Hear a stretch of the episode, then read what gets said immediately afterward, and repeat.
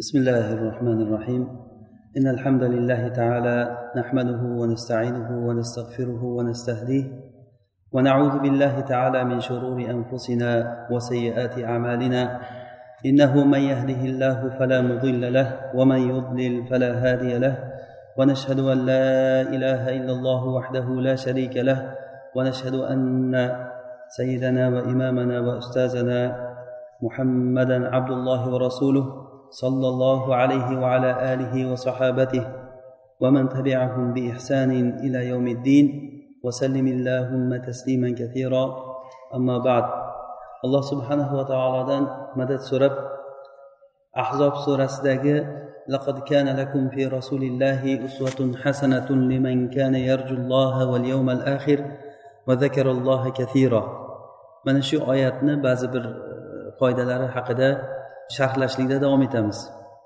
Alloh subhanahu va taolo ushbu oya karimada marhamat qiladiki rasululloh sollallohu alayhi vasallamda ollohni va oxirat kunini umid qilgan va ollohni ko'p eslagan kishilar uchun go'zal bir namunalar bor. Rasululloh sollallohu alayhi vasallamga ergashishlik u kishini o'zimizga namuna qilib olishlik bizni bu dunyo va oxiratimizni saodatiga erishishligimizga sabab bo'layotgan narsa. Bu rasululloh sollallohu alayhi vasallamga ergashishlik butun bizni hayot mamotimiz desak ham bo'ladi. Ya'ni kishini rasulullohga ergashishlikdan nasibasi bu qanchalik darajada? Oxirat kunini umid qilishligi ollohni va oxirat kunini umid qilishligi va ollohni zikr qilishligiga bog'liq degan edik. Va aytgan edikki alloh subhanava taoloni zikr qilishlik oxiratga bo'lgan va allohga bo'lgan kishini iymonini mana bu narsani qo'zg'aydigan va asosan shuni mezoni bu ollohni zikr qilishlik. Kishi qanchalik darajada ollohni ko'p zikr qilsa va tushunib zikr qilsa ollohni sifatlari bilan go'zal ism sifatlari bilan agar alloh subhanava taoloni zikr qiladigan bo'lsa albatta bu narsa inson qalbidagi ma'rifatni qo'zg'ab o'z uz o'zidan amalga tushadi va bu amal rasululloh sollallohu alayhi vasallamga ergashishlik degani.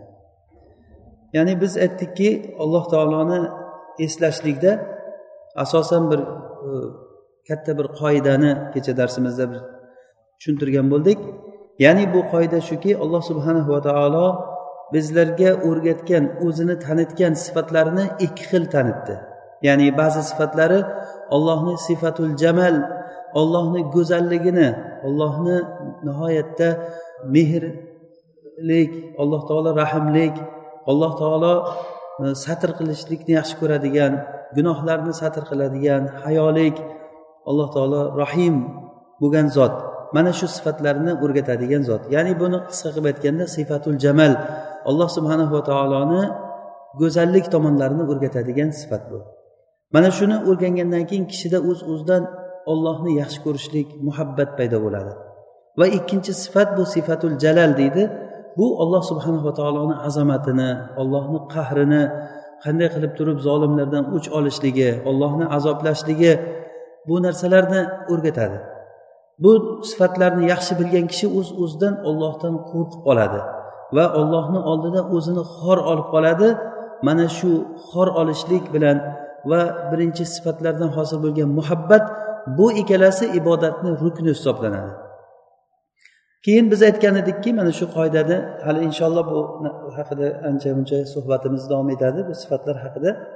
Alloh subhanahu va taoloni sifatlarini mana shu qoidani taqrir qilib aytgan edikki o'sha sifatul jamal va sifatul kamal bu ikkalasi asosan g'oyatul mahabba g'oyatul zul ya'ni nihoyatda muhabbat allohni yaxshi ko'rishlik va nihoyatda kishi o'zini xor olishligi mana shu ikkalasini ustiga ibodat quriladi deganlik va ollohni zikr qilishlik bu biz uchun juda ham muhim ekan. Zikr qilishlikni ma'nosi nima o'zi? Bu narsa haqida ancha gapirdik.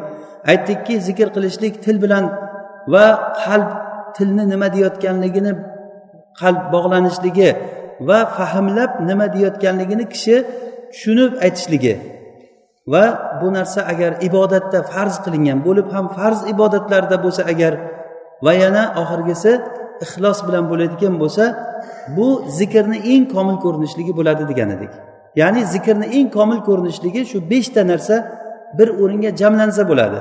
Yana takrorlaymiz birinchisi til bilan zikr qilishlik qalb u tilni nima deyayotgan ekanligini qalb anglab turishligi va u zikr qilayotgan narsani ma'nolarini kishi chaqib nima deyotganligini o'zi bilib aytishligi va bu ibodatda xuddiki namozga o'xshagan hajga o'xshagan yoki jihodga o'xshagan alloh taolo vojib qilgan katta katta bir farzlarda bo'lishligi.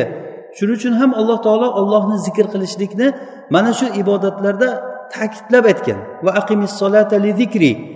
Namozni meni zikrim uchun namoz o'qi degan alloh taolo. Ya'ni bu namoz degani ollohni zikr qilishlik degani. Yoki eng katta amallar mana haj bo'ladigan bo'lsa hajni asosiy rukunlarida alloh taoloni zikr qilishlik to'g'risida gapirilgan.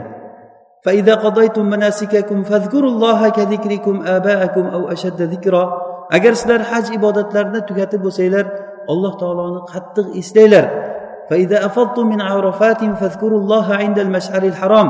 agar sizlar arafatdan muzdalifaga qarab tushib kelsanglar o'shanda alloh taoloni zikr qilinglar. Asosiy maqsad o'zi hajdan bo'layotgan narsa ollohni zikr qilishlik. Lekin g'ofil bo'lgan ko'pchilik kishilar arafotdan muzdalifaga tushib kelish paytida odamlardan oldinroq kelib turib bir joy egallash uchun yoki boshqa bir bir joyda suv tarqatayotgan bo'lsa yoki boshqa bir narsa tarqatayotgan bo'lsa shu narsalardan olib qolishlik yo boshqa bir narsalar bilan kishi g'ofil bo'lib o'zini nima qilayotganligini bilmasdan o'sha joyda nima bo'ldi o'sha bir kecha o'tib ketadi hech narsa odamni xayolidan o'tmaydi. Asosiy narsadan inson g'ofil bo'lib qoladi. Yoki alloh taolo aytadiki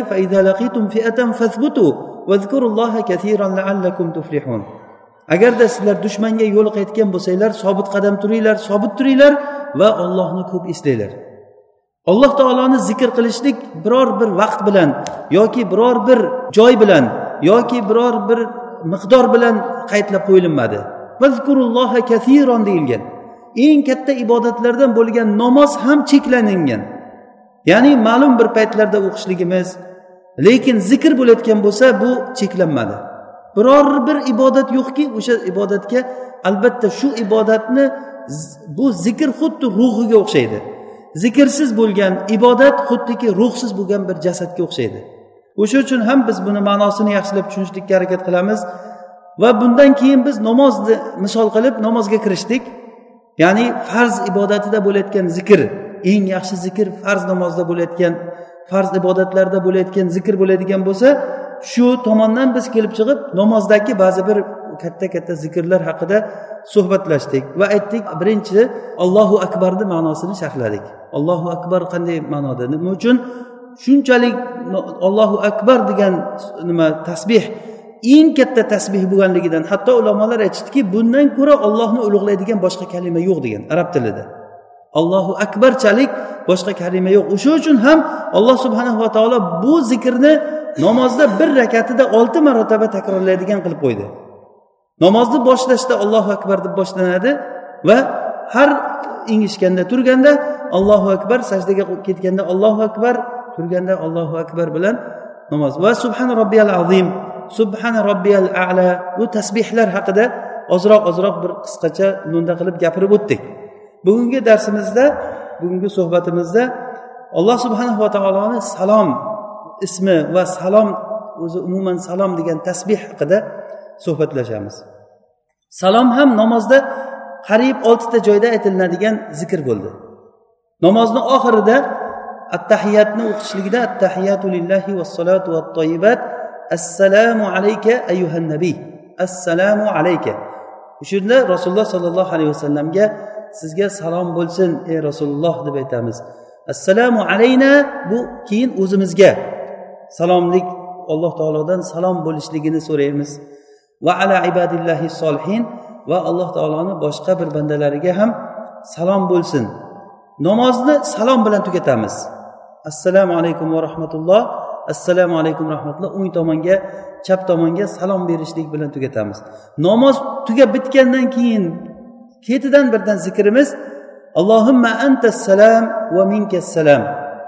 Tabarakta yadal jalali val ikrom deb o'sha allohimma anta salam va minka salam namozdan keyin aytilinadigan tasbeh bo'ldi bu. Nima uchun bu tasbeh shunchalik darajada muhimligi uchunmi? Nima uchun bu takror va takror aytiladigan bo'ldi va har namozda? Attahiyatda biz agar bu narsani ma'nolarini chuqur tushunib aytsak umuman shu namozimizda shu zikrlarni tushunib aytsak bizni mana shu darsimizdan ham maqsadimiz o'zi shuki foyda bo'ladigan bir ilm hosil bo'lishligi. Dunyo va oxiratda bizga foyda bo'ladigan ilm hosil bo'lishligi.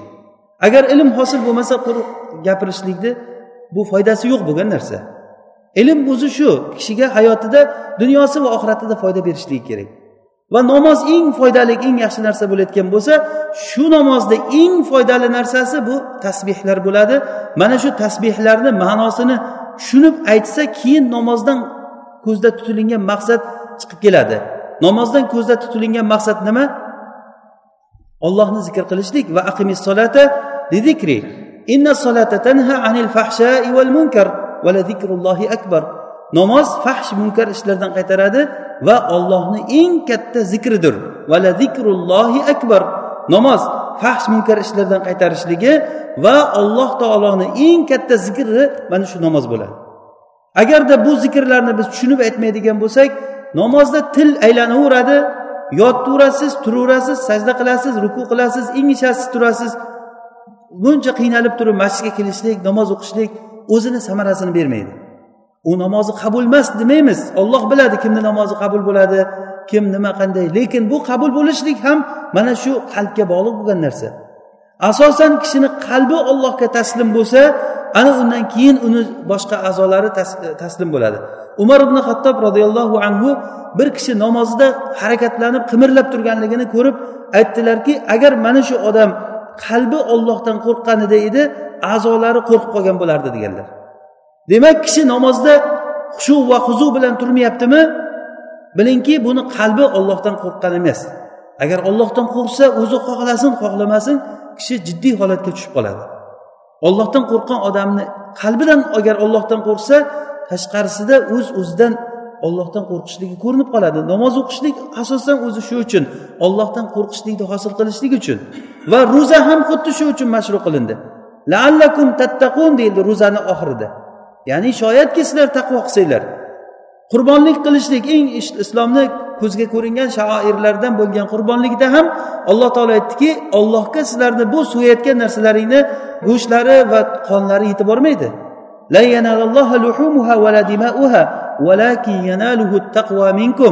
Lekin sizlardan bo'lgan taqvo yetib boradi.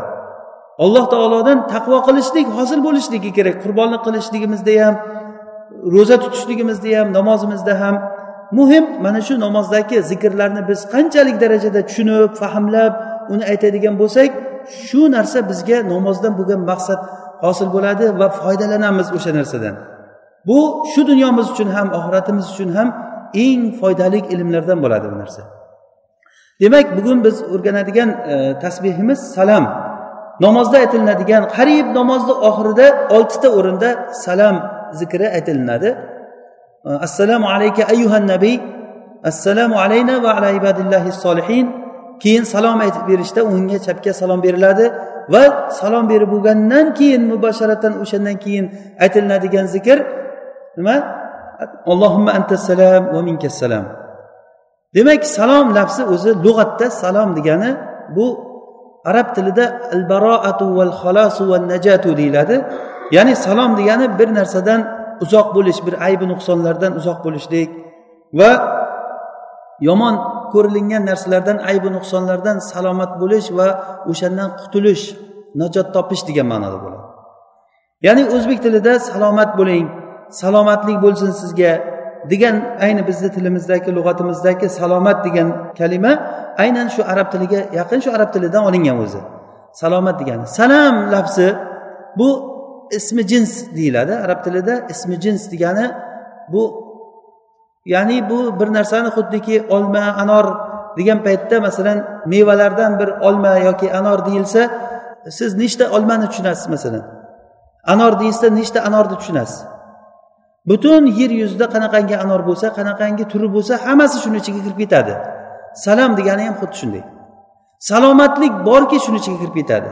Aybu nuqsonlardan salomat bo'lishlik kasalliklardan salomat bo'lishlik balo qazolardan falokatlardan salomat bo'lishlik zararlardan ofatlardan salomat bo'lishlik mana shu salam lafzini ichiga kirib ketadi. Nima uchun salomat deyilmasdan salam aynan shu yerda aytilyapti allohimma antassalam va minkassalam minkassalam ya'ni salom alloh taolodan deyilyapti. Salomat degani arab tilida oxirida t bilan kelsa bitta salomatlikni bildiradi. Lekin bu yerda hozir salom jinsi kerak bizga. O'sha uchun ham salomat lafzi olinmagan bu yerda salam deyilgan allohu alam. Va taslim aynan bu ham mastar kalimasi ya'ni taslim arab tilida vasallama vasallama taslima. Bu xuddiki kallama taklima deganiga o'xshab bu ham mastar lekin taslim bilan salomni farqi shuki taslimda foili bo'lishi kerak. Ya'ni bu ish harakat bajarilganligini bildiriladi. Taslim degani kim tomonidandir salom aytilinganligi bilinadi. Lekin salom deyilinsa uni aytuvchisi bormi yo'qmi uni farqi yo'q degani. O'sha uchun ham bu ba'zi bir arab tilidan e, uncha xabardor bo'lmagan kishilar uchun murakkabroq bo'lishligi mumkin. Lekin soddaroq qilib aytganimizda salom lafzidan ko'ra bu biz mana shu salom lafzidan iroda qilingan ma'noni ifoda qilayotgan boshqa kalima yo'q. Shuning uchun ham alloh subhanava taolo bu narsani salam deb ishlatilindi. Ollohni salam degan kalima alloh taoloni ismi bo'ldi. Ya'ni ollohni xuddiki rohim rohman degan ismlari bo'lgani kabi alloh subhanava taoloni salam degan ismi bor. Salam. Ya'ni alloh subhanahu va taoloni salam deyishligimiz bu nima ma'noni beradi? Ollohni salom deyishligimiz alloh subhanahu va taolo salamun fi ilmihi. Alloh taolo ilmida salom. Ya'ni ollohni ilmiga jaholat aralashmagan. Ollohni ilmiga zalolat aralashmagan. Alloh taoloni ilmiga unutishlik aralashmaydi. Alloh taoloni ilmiga bilishdan oldingi jaholat ham aralashmaydi. Ya'ni alloh taolo oldin bilmay turib keyin bilib qolgan emas. Boshqa maxluqotlarga o'xshab. Insonlar bo'lsa insonlardagi bilim agar bilimi bor deyotgan bo'lsak ham bu johillikdan keyin kelib chiqqan ma'rifat bilan bo'lgan narsa bo'ladi. Shuning uchun ham alloh subhanava taologa arafa degan kalima ishlatilinmaydi bu arafa degani bir narsani sekin sekin ma'lumotlar orqali bilib olishlikda aytiladi alloh taolo mutlaq alim zot. La yadillu robbi va la yansa. Alloh subhanava taoloni ilmi bu ilm salomat har qanday ayblardan salomat. Alloh taoloni rahmati alloh taoloni bir va yaxshilik sifatlari insonlarga qiladigan ehsonlari har qanday ayblardan salomat. Alloh taolo insonlarga shuncha yaxshiliklarni qiladi biror bir yaxshiligida bir g'arazni ko'zlab odamlardan o'ziga bir manfaat qaytishligini o'ylab qilmaydi valillahil mazalul ala. Insonlarda bo'layotgan bo'lsa insonda har qanday sahiy inson deng har qanday oliyjanob inson deb hech bir aybi yo'q inson deb maqtalingan odam ham sizga bir yaxshilik qilgan paytda albatta nimanidir ko'zlab yaxshilik qiladi. Juda uni himmati oliy bo'lsa jannatni istab yaxshilik qiladi. Oliy himmat kishi bo'layotgan bo'lsa jannatni istab sizga ozroqgina ehson qiladida o'zi jannatda tillodan bo'lgan qasrda umid qiladi. Menga hech narsa kerak emas deydi. Jannatdan bitta tillo qasr bo'lsa bo'ldi deydi. Demak bu hech narsa uchun qilgan yo'q bu. O'sha odam yaxshi odam deyiladi. Ya'ni la nuridu minkum jazaan vala shukura. Innama nut'imukum liwajhillah. Biz sizlarni alloh subhanava taolo ya'ni olloh yo'lida infoq qiluvchilar haqida aytib bergan paytda aytadiki biz sizlarni olloh uchun taomlantiramiz. Biz sizlardan jazo shukurni xohlamaymiz degan. Biz olloh uchun qilamiz bu narsani lekin ollohni huzurida ular umid qilib turibdi. Jannatni tillodan bo'lgan tagidan anhorlar oqadigan jannatni umid qilib turib qiladi yaxshiligini. Lekin alloh taolo nima umidda yaxshilik qiladi? Olloh nima uchun bizga buncha yaxshilikni beryapti? O'zi yaratdi o'zi ne'mat bersa o'zini o'zi tanitsa o'zi qo'lingizdan ushlab hidoyatlab olib borib jannatga kirgizsada jannatda butun ne'matlarni sizga ko'mib tashlasada unda ko'z ko'rmagan quloq eshitmagan insonni xayoliga kelmagan ne'matlar u yerda bo'lsa asallar oqadigan sutlar oqadigan xamirlar oqadigan bir jannat bo'lsa buncha yaxshilikni alloh taolo nima uchun qilyapti? G'ara hech qanaqangi bu yerda maqsad yo'q. Shuning uchun ham allohga hamd bo'lsin deyishdan boshqa gapga o'tmaymiz. Shuning uchun ham jannat ahli jannatga kirgan paytda olloh bizni mana shu joyga olib kelgan ollohga hamd bo'lsin deyishadi. Bundan boshqa kalimani o'zi aytishlikni nima deyishni ham bilmaysiz. Alloh taolo shunchalik ne'mat beryapti o'zi yetalab o'zi olib borib jannatga kirgizyapti shuncha yaxshilik qilyapti. Demak alloh subhanava taoloni yaxshiliklari salomat aybu nuqsonlardan salomat. Ollohni ilmi aybu nuqsonlardan salomat. Alloh taoloni sifatlari ollohni zoti. Alloh taolo hattoki arshni ustida alloh taolo oliy bo'ldi arshni ustiga ko'tarildi degan sifatlar kelsa ham alloh taolo arshga muhtoj emas. Olloh arshni ham arshni ko'tarib turgan farishtalarni ham olloh ushlab turadi o'zi.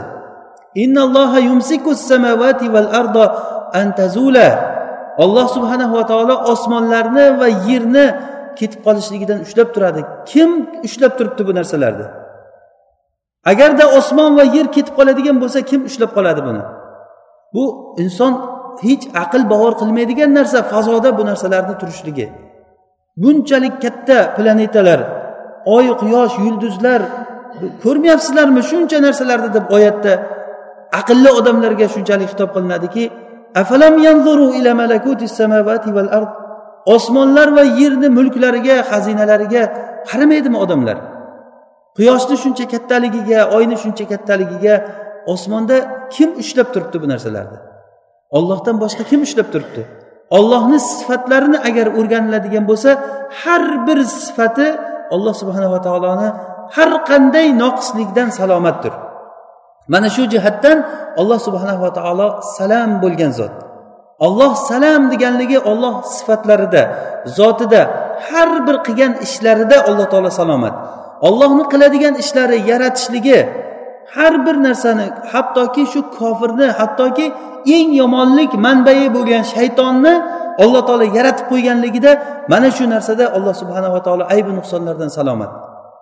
Shaytonni yaratganligiga allohga hamd bo'lsin deysiz agar undagi hikmatlarni odam biladigan bo'lsa.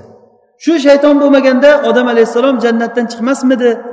Shu shayton bo'lmaganda bu odamlar darajalari bunchalik darajada ko'tarilmasmidi?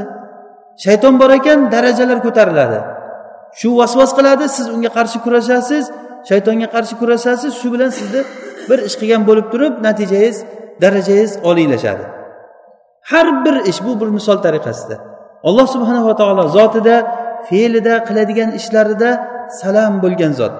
Demak salam degan kalimani nima ma'nosi? Olloh subhanava taologa nisbatan ishlatilinsa agar alloh taolo o'zining sifatlarida o'zining zotida o'zini qiladigan ishlarida har qanday yomonlik noqisliklardan salomat degani. Har qanaqangi noqislikni xayol qiling alloh taolo undan salomat. Hech bir noqislik kelmaydi ollohni ilmida ham. Sifatlarini har birida. Demak bu salom alloh taoloni eng go'zal sifatlaridan eng go'zal ismlaridan bo'ladi. Valillahil asmaul husna. Alloh subhanava taoloni go'zal ismlari bor. Mana shu ismlardan biri salam degan ismidir. Imom roziy rahimaulloh aytadilar alloh subhanava taoloni quddus degan ismi bor. Salam bilan quddus ikkalasi mana shu bir nimaga bir biriga yaqin. Salam lafzini alloh taolo qur'onda juma surasida aytadi. Va hashr surasida aytgan assalomul mu'minul muhayminul azizul jabbar. O'shanda assalamul al malikul quddusus salamul mu'min. O'shanda quddusus salam kelyapti. Quddus bilan salomni ma'nosi bir biriga yaqin. Ya'ni quddus o'zi lug'atda al mutahharu al muborak degan ma'nolarni beradi. Ya'ni quddus degani ham pokiza pok zot ham barakalik zot degani. Ya'ni baraka u tarafdan bo'lgan zot degani. Baraka va baraka u tarafdan bo'lgan xayr barakani keltiradigan zot degani. Xuddi lekin agarda u ikkalasi bir biriga jamlanib qolsa ikkovi bir joyda kelgan paytda al malikul quddusus salam deb ikkalasi bir joyda kelyaptimi? Demak bundan bilishimiz kerakki al quddus bilan assalamni ma'nosi bir biridan baribir farq qilish kerak.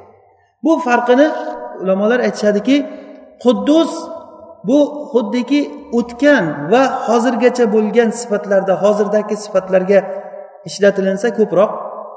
Ya'ni alloh subhanahu va taolo shu vaqtgacha qilgan ishlarida hammasida pok. Hech bir qilgan ishiga yaratgan narsasiga biror bir kamchilik yetmagan. Osmonlarga qarang agar osmonni yaratilishligiga qarang biror bir kamchilik ko'rasizmi?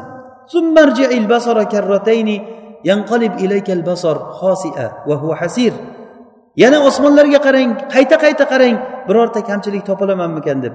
Sizni ko'zingiz o'zingizga qaytadi charchagan holatda lekin ollohni yaratgan narsalarda kamchilik topolmaysiz. Quddus kalimasi demak ollohni pok zot ekanligini bildiradi lekin salam bo'lsa kelajak ma'nosida ko'proq ishlatiladi. Shu paytgacha ham va kelajak ma'nosida ham. Demak salam so'zi quddusdan ko'ra umumroq ma'noni beradi. Ya'ni alloh taolo kelajakda qilayotgan ishlarida va salomatlik olloh tarafidan keladi salomatlik manbai eslaringizda bo'lsa baraka to'g'risida gapirganimizda mana shu baraka haqida e, rasululloh sollallohu alayhi vasallam buxoriydagi hadisini aytgan edik. Bir safarda rasululloh sollallohu alayhi vasallam safarda ketishlarida sahobalar suvsiz qoldilar. O'shanda rasululloh sollallohu alayhi vasallam bir ko'zada ozroq suv qolgan edi. Shu suvni olib kelib ustiga qo'llarini qo'yib rasululloh duo o'qidilar va shu barmoqlarini oralaridan suv otilib chiqdi. Rasulullohdan.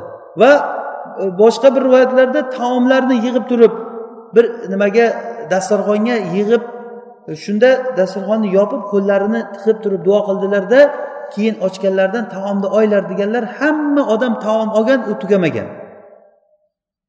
Ya'ni o'sha suvni olgan paytda rasululloh sallallohu alayhi vasallam sahobalar suvni ishlatish paytida rasululloh hali sahobalar suvni olishdan oldin aytdilarki hayya ala tahuril muborak al barakatu minalloh deganlar. Ya'ni muborak bu suvga kelinglar oylar baraka ollohdan degan.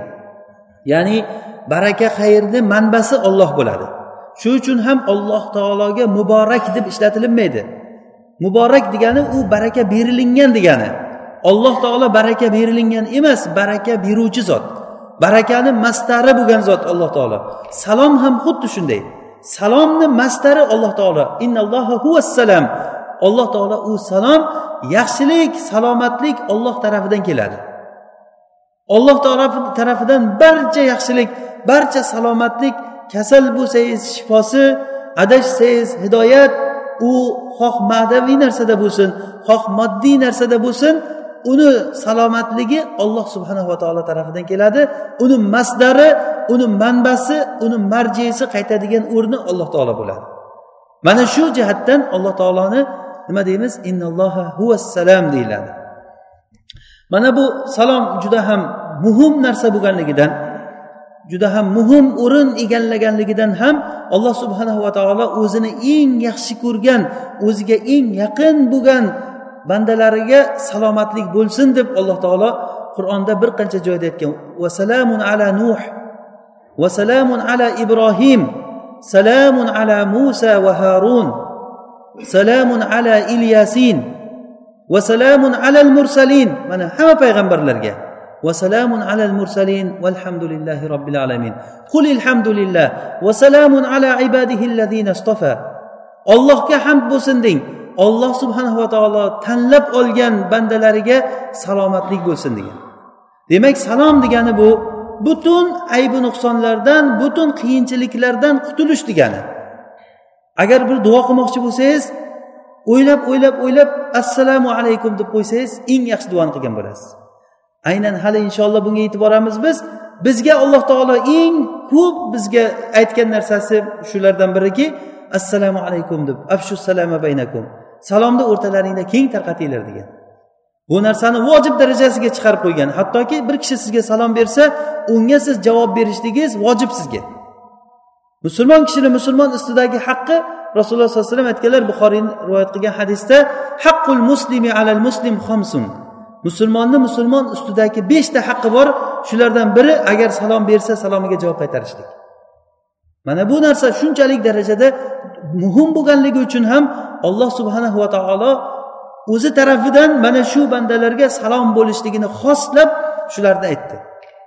Va alloh subhanahu va taolo salom ekanligini va ollohni salom deb kimga aytsa o'sha odamni afzal ekanligini ulamolar yaxshi tushunganligidan hadija onamizni manoqiblarini u kishini fazilatlarini aytgan paytda aytilinadigan eng mashhur gaplardan biri shuki anas ibn molik rivoyat qilgan hadisda rasululloh sollallohu alayhi vasallam aytadilar e, bir kuni hadicha onamiz rasululloh sollallohu alayhi vasallamni bir kishi bilan gaplashib turganligini ko'rdi ya'ni jibril ko'pincha rasulullohga dehiyatul kalbiy degan bir kishini suratida kelardi. U kishi ancha go'zal shakli go'zal kishi bo'lgan.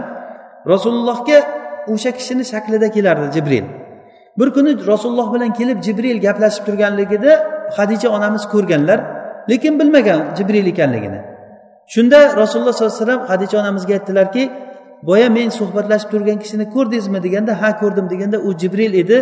Jibril sizga ollohdan salom yetkazdi degan ya'ni jibril sizga ollohdan salom aytdi deganda hadicha onamizni gapini qarang. Innalloha huvassalam va ala jibril assalam va alaykassalam ya rasulullohi va rahmatullohi va barakatuhu degan olloh u salom ollohga salom bo'lsin demadilar. Olloh u salom dedi ya'ni salom olloh tarafidan keladi degani. Va jibrilga salom bo'lsin va sizga ey rasululloh allohni salomi va barakoti bo'lsin. Ulamolar mana shu hadisdan hadicha onamizni farosatlariga u kishiga bergan ollohni ilmiga mana shu joyda qoyil qolgan hamma. Hattoki aksar sahobalarni fahmi shu narsaga yetib bormagan ibn masud roziyallohu anhu rivoyat qiladilar rasululloh sollallohu alayhi vasallamni orqalarida namozda turgan joyimizda assalomu alalloh assalomu ala nabiy deb aytardik degan biz degan. Shunda rasululloh aytdilarki assalomu alalloh demanglar innalloha huvassalam dedilar. Hattoki sahobalar madinada turib mana shu narsani tushunmay qolgan paytlari bo'lgan. Makkada paytida bo'lgan bu ya'ni innalloha huvassalam ekanligini aksar sahobalar tushunmagan. Hadicha onamiz mana shu narsani rasululloh sizga jibril salom aytdi degan paytda innalloha huvassalam va ala jibril assalam va alaykassalam ya rasululloh va rahmatullohi va barakatuhu deb aytganlar. Demak hadicha onamizni qanchalik darajada ollohni taniganligi u kishining fahmi farosati ilmi mana shu joydan bizga ko'rinadi. Ya'ni ollohni salom ekanligini u kishi tushunib yetgan. Yana takror aytamiz salom deganligi hozir bayzobiy rahimaulloh alloh subhanahu va taoloni nima uchun ollohga salom mumkin emas olloh salom allohdan bo'ladi. Innalloha huvassalam deymiz ya'ni alloh taolo u salom bo'lgan zot. Olloh salom olloh tarafidan keladi. Ollohga salom berib bo'lmaydi deganligini ma'nosini xuddi hozir biz uzun suhbatimiz davomida aytib qo'ydik. Shuni u kishi hozir bayzaviy rahmaulloh tushuntirib berganlar. Aytganlarki salom alloh taolo bu salomni manbasi bu. Ya'ni salomatlik olloh tarafidan keladi. O'zi salom degan narsa ikki xil ma'noni beradi. Ya'ni biri xabar berishlik ikkinchisi duo qilishlik. Xabar berishlik degani masalan men sizni ko'rgan paytimda assalomu alayka desam yoki assalomu alaykum desam assalomu alaykum desam bu degani ikki xil ma'noni beradi. Birinchisi men tarafimdan sizga salomatlik bor qo'rqmang sizga hech yomonlik qilmayman. Men tomonimdan sizga faqat yaxshilik yetadi salomatlik yetadi deb xabar berishligim bo'lyapti. Siz xotirjam bo'lasiz meni. Assalomu alaykum degan paytimda xotirjam bo'lasizki bu odam tarafidan menga salomatlik kelyapti. Ya'ni bu xuddiki sizni ko'rgan paytda ahdlashib oldikki ikkovimiz kelishib oldik. Bo'ldi siz mendan xotirjam bo'ling siz menga javob qaytarasiz. Siz ham men ham siz ham mendan xotirjam bo'ling. Tamom bir birimizga ziyon berish yo'q pulini aldab ketib yeb ketish yo'q yolg'on gapirish yo'q fujur gaplarni gapirishlik yo'q g'iybat qilishlik yo'q sizni obro'yingizni to'kmayman ustingizdan kulmayman. Degan va'da bo'lyapti assalomu alaykum degani. Ya'ni shu ko'rgan paytda o'zi birinchi gapirishdan oldingi hali suhbatni boshlashdan oldin ahdlashib olamizki men tarafimdan sizga shu siz tarafingizdan menga bu. Salomatlik bo'lsin deb ikkovimiz kelishib oldik boshda mana bu bir ma'nosi bo'lsa ikkinchisi duo ma'nosi bor. Ya'ni sizga ollohdan men so'raymanki sizga alloh taolo tarafidan salomatlik bo'lsin. Kasalliklardan aybu nuqsonlardan balo qazolardan ofatdan do'zaxdan salomat bo'lishligingizni so'rayman degani. Ya'ni boya yuqorida aytganimiz kabi agar o'ylab turib bir kishiga bir qisqagina qilib turib bitta kalima bilan duo qilib qo'yay dunyoyu oxiratini so'ragan bo'lay desa assalomu alaykum deng deymiz. Agar shu assalomu alaykum deyilsa shuni ichiga hammasi kirib ketadi o'zi. Demak bu assalomu alaykumda ikkita ma'no bor. Birinchisi xabar berish bo'lyapti. Men tarafimdan sizga salomatlik bo'ladi deb. Ikkinchisi duo qilish bo'lyaptiki sizga salomatlik bo'lsin hech qanaqangi e, balo qazo sizga yetmasin deb. Endi masalaga o'tamiz. Alloh taologa salom bo'lsin desak qaysi ma'noga tushadi bu? Men tarafimdan alloh taolo tinch bo'lsin tinch bo'ladi shuni xabar berib qo'yaman deyish to'g'ri bo'ladimi? Yoki alloh taologa hech qanaqangi balo qazolar ofat yetmasin deyishlik to'g'ri bo'ladimi? Demak ikkala ma'no ham ollohni haqqiga to'g'ri kelmaydi. Chunki olloh u salomatlikni manbasi olloh bo'ladi. Salomatlik olloh tarafidan keladi. Allohimma antassalam va minkas salam. Ollohim sen salomsan degani butun salomni manbasi sensan. Va minkassalam salom sen tarafdan keladi. Ya'ni salom tinchlik. Qisqasi salom degani hamma narsadagi salom. Ilmdagi salomatlik xotirjamlik sog'likdagi salomatlik. Inson uchun kerakli bo'lgan tinch yurishi kerak bo'lgan hamma narsa salomatlikdan kelib chiqadi. Va insonga keladigan balo qazolar yomonliklarni ketkazishlik bu salomatlik bo'ladi. Mana shundan keyin tushunamizki demak salom degan narsa qanchalik darajada muhim o'rinda ekanligini. Nima uchun alloh subhanahu va taologa va alallohi salam deb bo'lmas ekan? Chunki fayzoviy rahmulloh aytganlari kabi salomda ikkita ma'no bor. Birinchisi xabar ya'ni xabar berish bo'lyaptiki men tarafimdan sizga salomatlik bo'ladi hech qo'rqmang xotirjam bo'ling yomonlik qilmayman degani bu. Ollohga shunday deb bo'ladimi? Yo'q. Va ikkinchi ma'nosi duo qilishlik bo'lyaptiki sizga alloh subhanava taolodan men salomatlik so'rayman xotirjamlik so'rayman tinchlik ofatlardan balo qazolardan salomat bo'lishligingizni xohlayman so'rayman shuni duo qilaman degan ma'noda. Bu ikkala ma'no ham alloh subhanava taoloni haqqiga to'g'ri kelmaydigan narsa. Demak shundan bilingki hadisha onamiz qanchalik darajada ollohni tushungan? Agar sizga jibril ollohdan salom aytyapti deganni degan zahotini o'zidayoq innalloha huvassalam deb olloh taolo u salom ollohni o'zi salomni manbasi. Va ala jibril assalom deb jibrilga salomatlik bo'lsin deb jibrilni haqqiga duo qildilar. Jibrilni haqqiga salomatlik bo'lsin deb duo qilishlik to'g'ri chunki jibril ollohni maxluqotlaridan bo'lgan bir maxluq. Jibril doim salomat bo'lishlikka muhtoj. Alloh taolo tarafidan salomatlik kelishligiga muhtoj. Va payg'ambarlar ham xuddi shunday. Vasalamun alal mursalin deyilganligi ham aynan payg'ambarlarga salomatlik bo'lsin bu robbil alamin tarafidan aytilayotgan narsa. Agar olamlarni yaratgan olloh tarafidan salomatlik kelyaptimi bilingki u insonni qanchalik darajada baxtli kishi ekanligini. Bu insonlar payg'ambarlar va faqatgina faqatgina payg'ambarlar emas payg'ambarlarga ergashgan kishilarga ham bu narsa nasib qildi.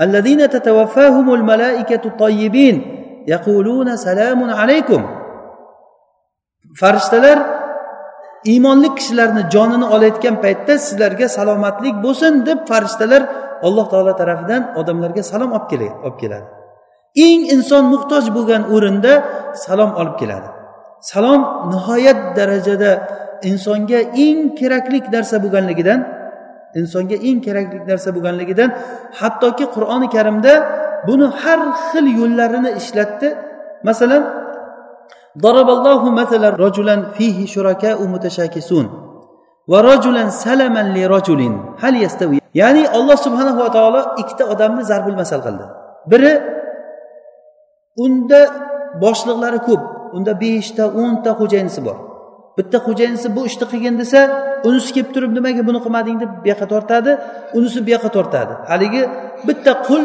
beshta o'nta xo'jayinni o'rtasida haligi garang bo'lib qolgan. Nima qilishni bilmasdan. O'sha odamni tasavvur qilib ko'ring endi. Qanday holatda turibdi? Unisi ham kelib uradi bunisi ham kelib uradi. Nimaga aytganini qilmayapsan deb. Qaysi birini aytganini qilishni bilmaydi. Bunisi bir ishni qil desa bunisi qilma deydi. Ikkinchi shuraka u mutashakisun degani bir biriga zid bo'lgan sheriklar. Ya'ni uni boshliqlari o'zaro bir biri bilan kelishmaydigan boshliqlar. Biri bir ishni qil desa aynan shu ishni ikkinchisi qilmayman shu ishni deb aytadi. Qilsa ham kaltak yeydi qilmasa ham kaltak yeydi. Mana bu qulni tasavvur qilingda endi yana bir kishi borki uni bitta xo'jayinisi bor. U xo'jayinisi bo'lib ham judayam aqlli adolatli farosatli kishi. Bir ishni aytadi agar o'shani bajarayotgan bo'lsa yaxshi qilibsan deydi maqtaydi va unga yaxshi jazo beradi. Mana shu ikkita odam turibdi shu ikkovsi hech teng bo'ladimi dedi. Kim ular u ikkalasini teng bo'ladi deb aytadi?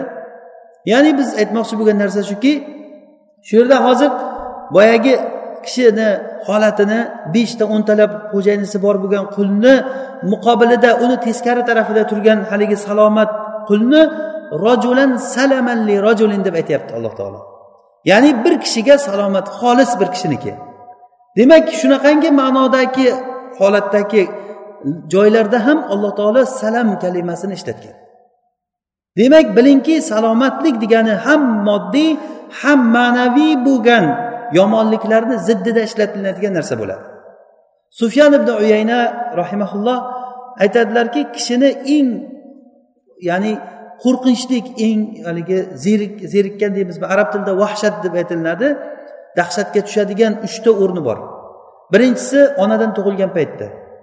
Onasini qonida xotirjam yotgan chaqaloq dunyoga kelgan paytda har xil odamlarni ko'rib baqir chaqirlar bu issiq sovuqliklar har xil narsani ko'rgandan keyin qo'rqadi u bola. Judayam bir u bolaga nisbatan boshqacha bir hayotga tushib qolganligini ko'radi. Tamomiy boshqacha hayot onasini qonida xotirjam hech narsani payqamay na issiqni na sovuqni g'amini yeydigan na ovqatni g'amini yeydigan na suvni g'amini yeydigan bir odam hayotga tushgandan keyin keyin boshlanadi muammolar. Tushlagan tushgandan yig'lashni boshlaydi. Muammolar boshlanadi. Ikkinchi holati inson qabrga borgandan keyin birinchi kechasi. Qabrga borganda har qanday odam boradigan joy bu. Barzax hayoti deyiladi. Bu bu dunyodan narigi oxirat hayotiga o'tishlikdagi o'rtadagi hayot. Bu xohlang baliqni qornida bo'lsin xohlasin yonib ketib kul bo'lib ketgan kishi bo'lsin xohlasin suvda cho'kib ketib ketgan bo'lsin xohlasin turpoqda chirib ketgan bo'lsin bu odam barzax hayotidagi bir hayotda yashab o'tadi.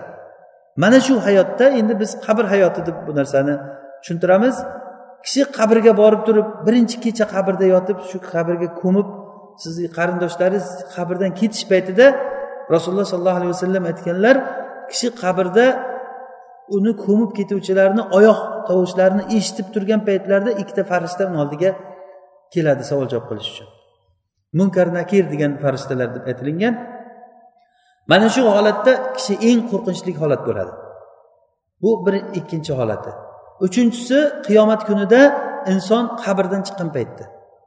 Bu holatni alloh subhanava taolo juda ham qattiq dahshatli holat deb bizga tushuntirib bergan. Ya ayyuhannasu robbakum ey insonlar robbilaringdan qo'rqinglar. Shunday bir kundan qo'rqinglarki u kun yosh bolani qarri cholga aylantirib qo'yadigan kun.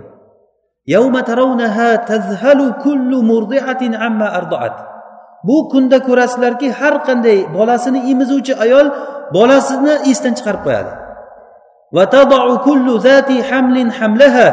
Har bir homilador ayollar homilasini tashlab qo'yadi. Odamlarni mast holatda ko'rasiz. Ular mast emas lekin ollohni azobi qattiq. Ollohni azobi shunchalik qattiq. Mana shu kuni qiyomat kuni qabrdan chiqqan paytda inson judayam qattiq bir dahshatga tushayotgan holat. Bu uchta holat sufyan ibn uyayna aytganlaridek. Birinchisi onani qonidan chiqqanda ikkinchisi qabrga borgandagi birinchi kecha birinchi lahzasi uchinchisi qiyomat kuni turganda. Alloh subhanahu va taolo aynan mana shu uchta o'rinni zikr qilib turib yahyo alayhissalomni haqida aytadiki vasalamun alayhi yawma vulida va yawma yamutu va yawma yubasu hayya. Yahyoga salomatlik bo'lsin tug'ilgan kunida va o'lgan kunida va qiyomat kunida tirilgan kunida. Shu kuni unga salomatlik bo'lsin degan.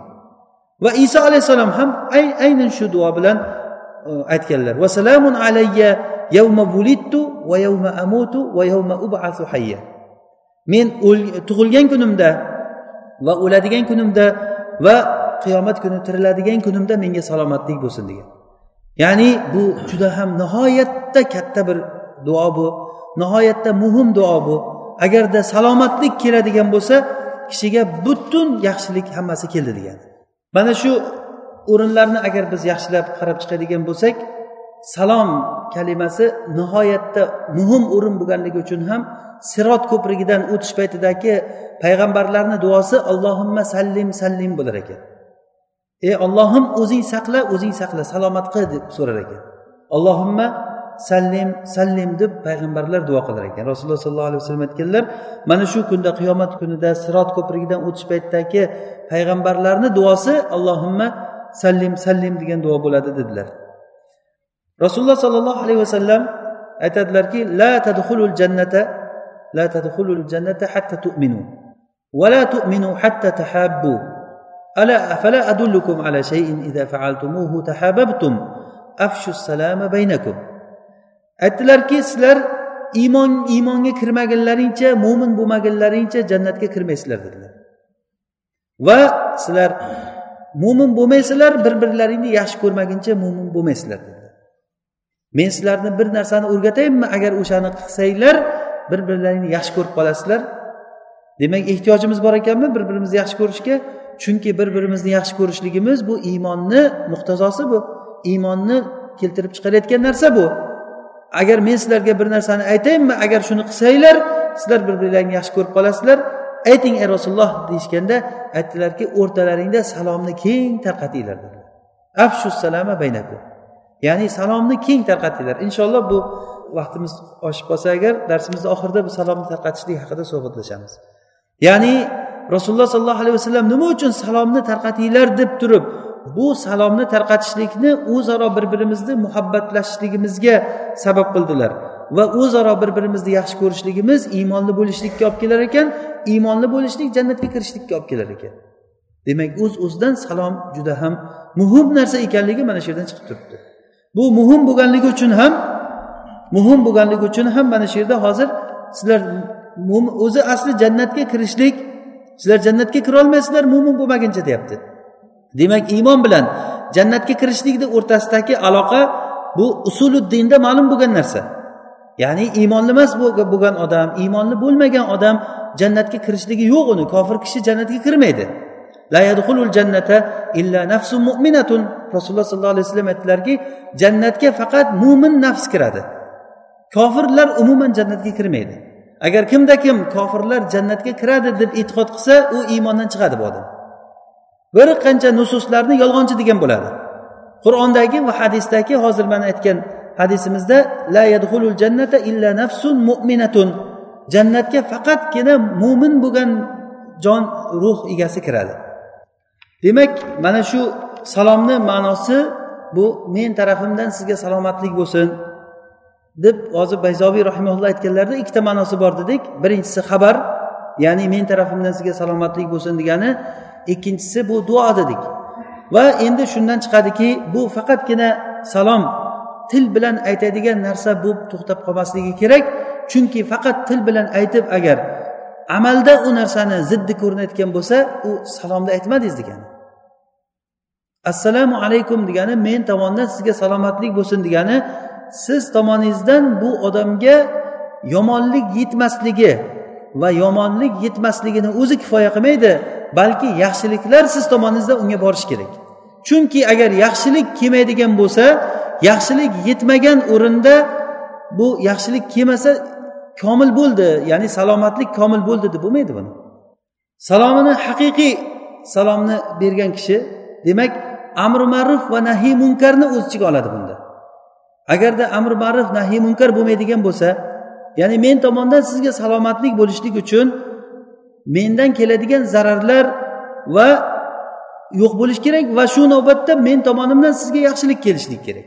Bu narsa aynan amri ma'ruf va nahiy munkar ko'rinishida bo'ladi yoki bo'lmasa buni yana ham bir umumiyroq qoida qilib aytayotgan bo'lsak shariat buni mezoni bo'ladi. Kimki agar shariatda turadigan bo'lsa mana shu odamdan boshqalarga salomatlik chiqadi. Mana shariatni ko'ravering boshidan oxirigacha hamma hukmlarni fiqh kitoblarini o'qing boshidan oxirigacha siz tomoningizdan boshqa odamlarga salomatlik chiqadi va siz tomoningizdan bo'layotgan zarardan qutuladi odam avratini ochib ko'chada mutabarrija bo'lib yurgan ayollar u tomonidan odamlarga salomatlik bo'lyapti deb bo'ladimi? Qancha odamni gunohkor bo'lishligiga taqvosiz bo'lishligiga zino qilishligiga sababchi bo'lib yuradi. Shu odam endi assalomu alaykum desa avratini ochib yurgan bir ayol assalomu alaykum desa bu tili bilan aytyapti lekin uni fe'lidan sizga salomatlik kelmayapti. Uni fe'lidan sizga yomonlik kelyapti. Odam juda ham uyaladigan ko'rinishda ko'chada ko'z bilan bir qarab bo'lmaydigan holatda yursada yana men musulmonman deydigan bo'lsa bu odamdan demak salomatlik kelmayapti muhim bu salomatlikni mezoni shariat bo'ladi bizga. Buxoriy rahimaulloh rivoyat qilgan hadisda umar ibn hattob roziyallohu anhuni davrlarida ikkita sahobalardan ansoriylardan ikki kishi talash bo'lib qolganki yerni sug'orishlik to'g'risida. Ya'ni bir misol tariqasida aytamiz shunda rasululloh sollallohu alayhi vasallam aytganlarki mana yer agar yerlar yonma yon yerlar bo'layotgan bo'lsa unga oqib keladigan suvni tog'lardan ariqlardan oqib kelayotgan suvni qonun qoidasi shuki quloqni boshidagi yer egasi birinchi bo'lib turib sug'orish kerak. Rasululloh sollallohu alayhi vasallamni oldilariga aynan zubayr ibn avom bilan bir ansoriy kishi talashib kelib qoldi. Yeri to'g'risida zubayr ibn avomni yeri oldinroqda edi u ansoriy birodarniki undan keyin bo'lgan. Ansoriy aytyaptiki suvni qo'yib yubor men birinchi sug'oraman keyin sen sug'orasan deyapti. Shunda zubayr ibn avom yo'q men sug'oraman degan rasulullohni oldiga talashib kelganda rasululloh aytdilarki ey zubayr sen suvni tezroq sug'ordan keyin birodaringga ochib yuborgin tezroq suvni dedilar. Shunda haligi kishi achchig'i kelib aytdiki ey rasululloh ammangizni o'g'li bo'lganligi uchun shunday dedingiz degan. Ya'ni rasululloh juda ham qattiq g'azablandilar bundan yuzlari qizarib ketdilar. Aytdilarki hali sen menga shunday deyapsanmi dedilar. O'zi asli shariat bo'yicha bu to'ydirib ichirib keyin qo'yib yuborish kerak. Ey zubayr suvni qamab turib to tomirlariga yetguncha sug'or keyin ochib yubor dedilar. Mana bu adolat bo'ldi dedilar. Men ammamni o'g'li bo'lganligi uchun oldin uni tezroq ochib yubor degan edim degan. Asli o'zi zubayrni haqqi suvni ko'proq ushlab turib keyin ochib yuborish kerak. Kimda kim agar bir yerini sug'ormoqchi bo'lsa meni yerimga suv kerak. Qo'shnimni yeridan ariq olib turib o'tkazishim kerak va shu oladigan arig'imni qo'shniga ziyoni yo'q. Agar shunday bo'layotgan bo'lsa qo'shnini haqqi yo'q men senga ariq bermayman deyishlikka. Xuddi shu voqea umar ibn hattobni davrida bo'ldi. Ariqni bermayman degan. Keyin umar ibn hattob so'raganlarki shu ariqni agar o'tadigan bo'lsa bu qo'shniga ziyoni bormi degan. Yo'q ziyoni yo'q degandan keyin ariq o'tadi degan.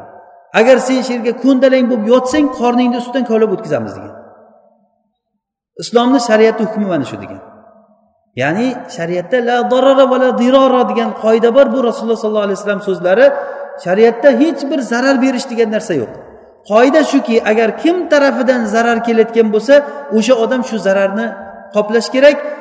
Zarar kim tarafdan kelsa shu zararni o'sha odam ko'tarishligi kerak. Rasululloh aytdilarki agar qo'shni boshqa bir qo'shnisi agar uni devoriga pona qoqaman desa uni qoqmaysan demasin deganlar. Ya'ni bir qo'shni o'zini qo'shnisini agar bir sizni devoringizga hojati bo'lib qolsa shunga masalan ba'zi qo'shnilarda bo'lib qoladi sizni devoringizni ustiga u orqa tomondan bir ayvon qilmoqchi bo'lsa bir xodalarini yotqizishligi kerak bo'lib qoladi. Shu devorga sizga ziyoni yo'q uni. Mana shu paytda shariat aytadiki bunday qilishlikka uni haqqi yo'q deydi. Ya'ni man qilishlikka haqqi yo'q. Majbursiz shu qo'shnisiga yotqizaman desa yotqizishlikka majbursiz. Va hokazo bu misol tariqasida aytilayotgan narsa. Yoki rasululloh sollallohu alayhi vasallam aytadilarki hech bir kishi yaylovlarda o'tni maysani man qilishlik uchun o'zini suvini ortiqcha suvini man qilmasin degan. Ya'ni bu degani yaylovlarda masalan meni qo'ylarim bo'lsa sizni ham qo'ylaringiz bor. Men suv meniki lekin quduq meniki. Shu quduqda suv ko'p. Agar men o'zimni qo'ylarimni sug'oradigan bo'lsam suv oshib qoladi sizni qo'ylaringizga ham yetadi. Lekin sizni qo'ylaringizni sug'organi men qo'ymayman. Agar shu suvdan siz qo'yni sug'orsangiz qo'yni meni atrofimga shu yaylovga boqasiz keyin o't kamayib qolishligi mumkin. U o't ollohniki o't umumiy narsa. Endi men o'tga qo'yingni boqma deyolmaymanda suvni ichma deyman. Agar suvni ichmasangiz bu suvni siz suv izlab turib boshqa yerlarga quduq bor joylarga uzoqlarga qo'yni haydab ketasiz bu atrof hammasi menga qoladi. Rasululloh sollallohu alayhi vasallam xuddi shu narsaga aytdilarki sizlarni birortalaring ortiqcha suvini man qilmasin olloh chiqargan bu maysalarni man qilishlik uchun. Ya'ni bu shariatni mezoni bu. Ya'ni bunaqangi narsalar judayam ko'p. Bunaqangi narsalar hech bir mo'min kishida boshqa bir mo'minga nisbatan zarar bo'lmasligi kerak. Birorta ayol boshqa bir ayolni talog'ini so'ramasin o'zini dinda bo'lgan birodarini o'zini dindosh birodarini talog'ini so'ramasin o'zini idishini to'ldirib olishlik uchun degan. Chunki unga ham olloh taqdir qilgan narsasi bo'ladi. Mana bu o'zi shariatni agar biz qaraydigan bo'lsak nihoyat darajada adolat nihoyat darajada salomatlik dini bo'ladi bu. La darara va la dirora inshaalloh alloh subhanava taoloni madadi bilan inshaalloh darsimizni keyin davom ettiramiz. Vaqtimiz nihoyasiga yetib qolibdi. alloh taolo darsimizga baraka bersin dinimizda faqihlardan qilsin gunohlarimizni mag'firat qilsin darsimizga alloh taolo davomiy bo'lishligini nasib qilsin سبحانك اللهم وبحمدك نشهد أن لا إله إلا أنت نستغفرك ونتوب إليك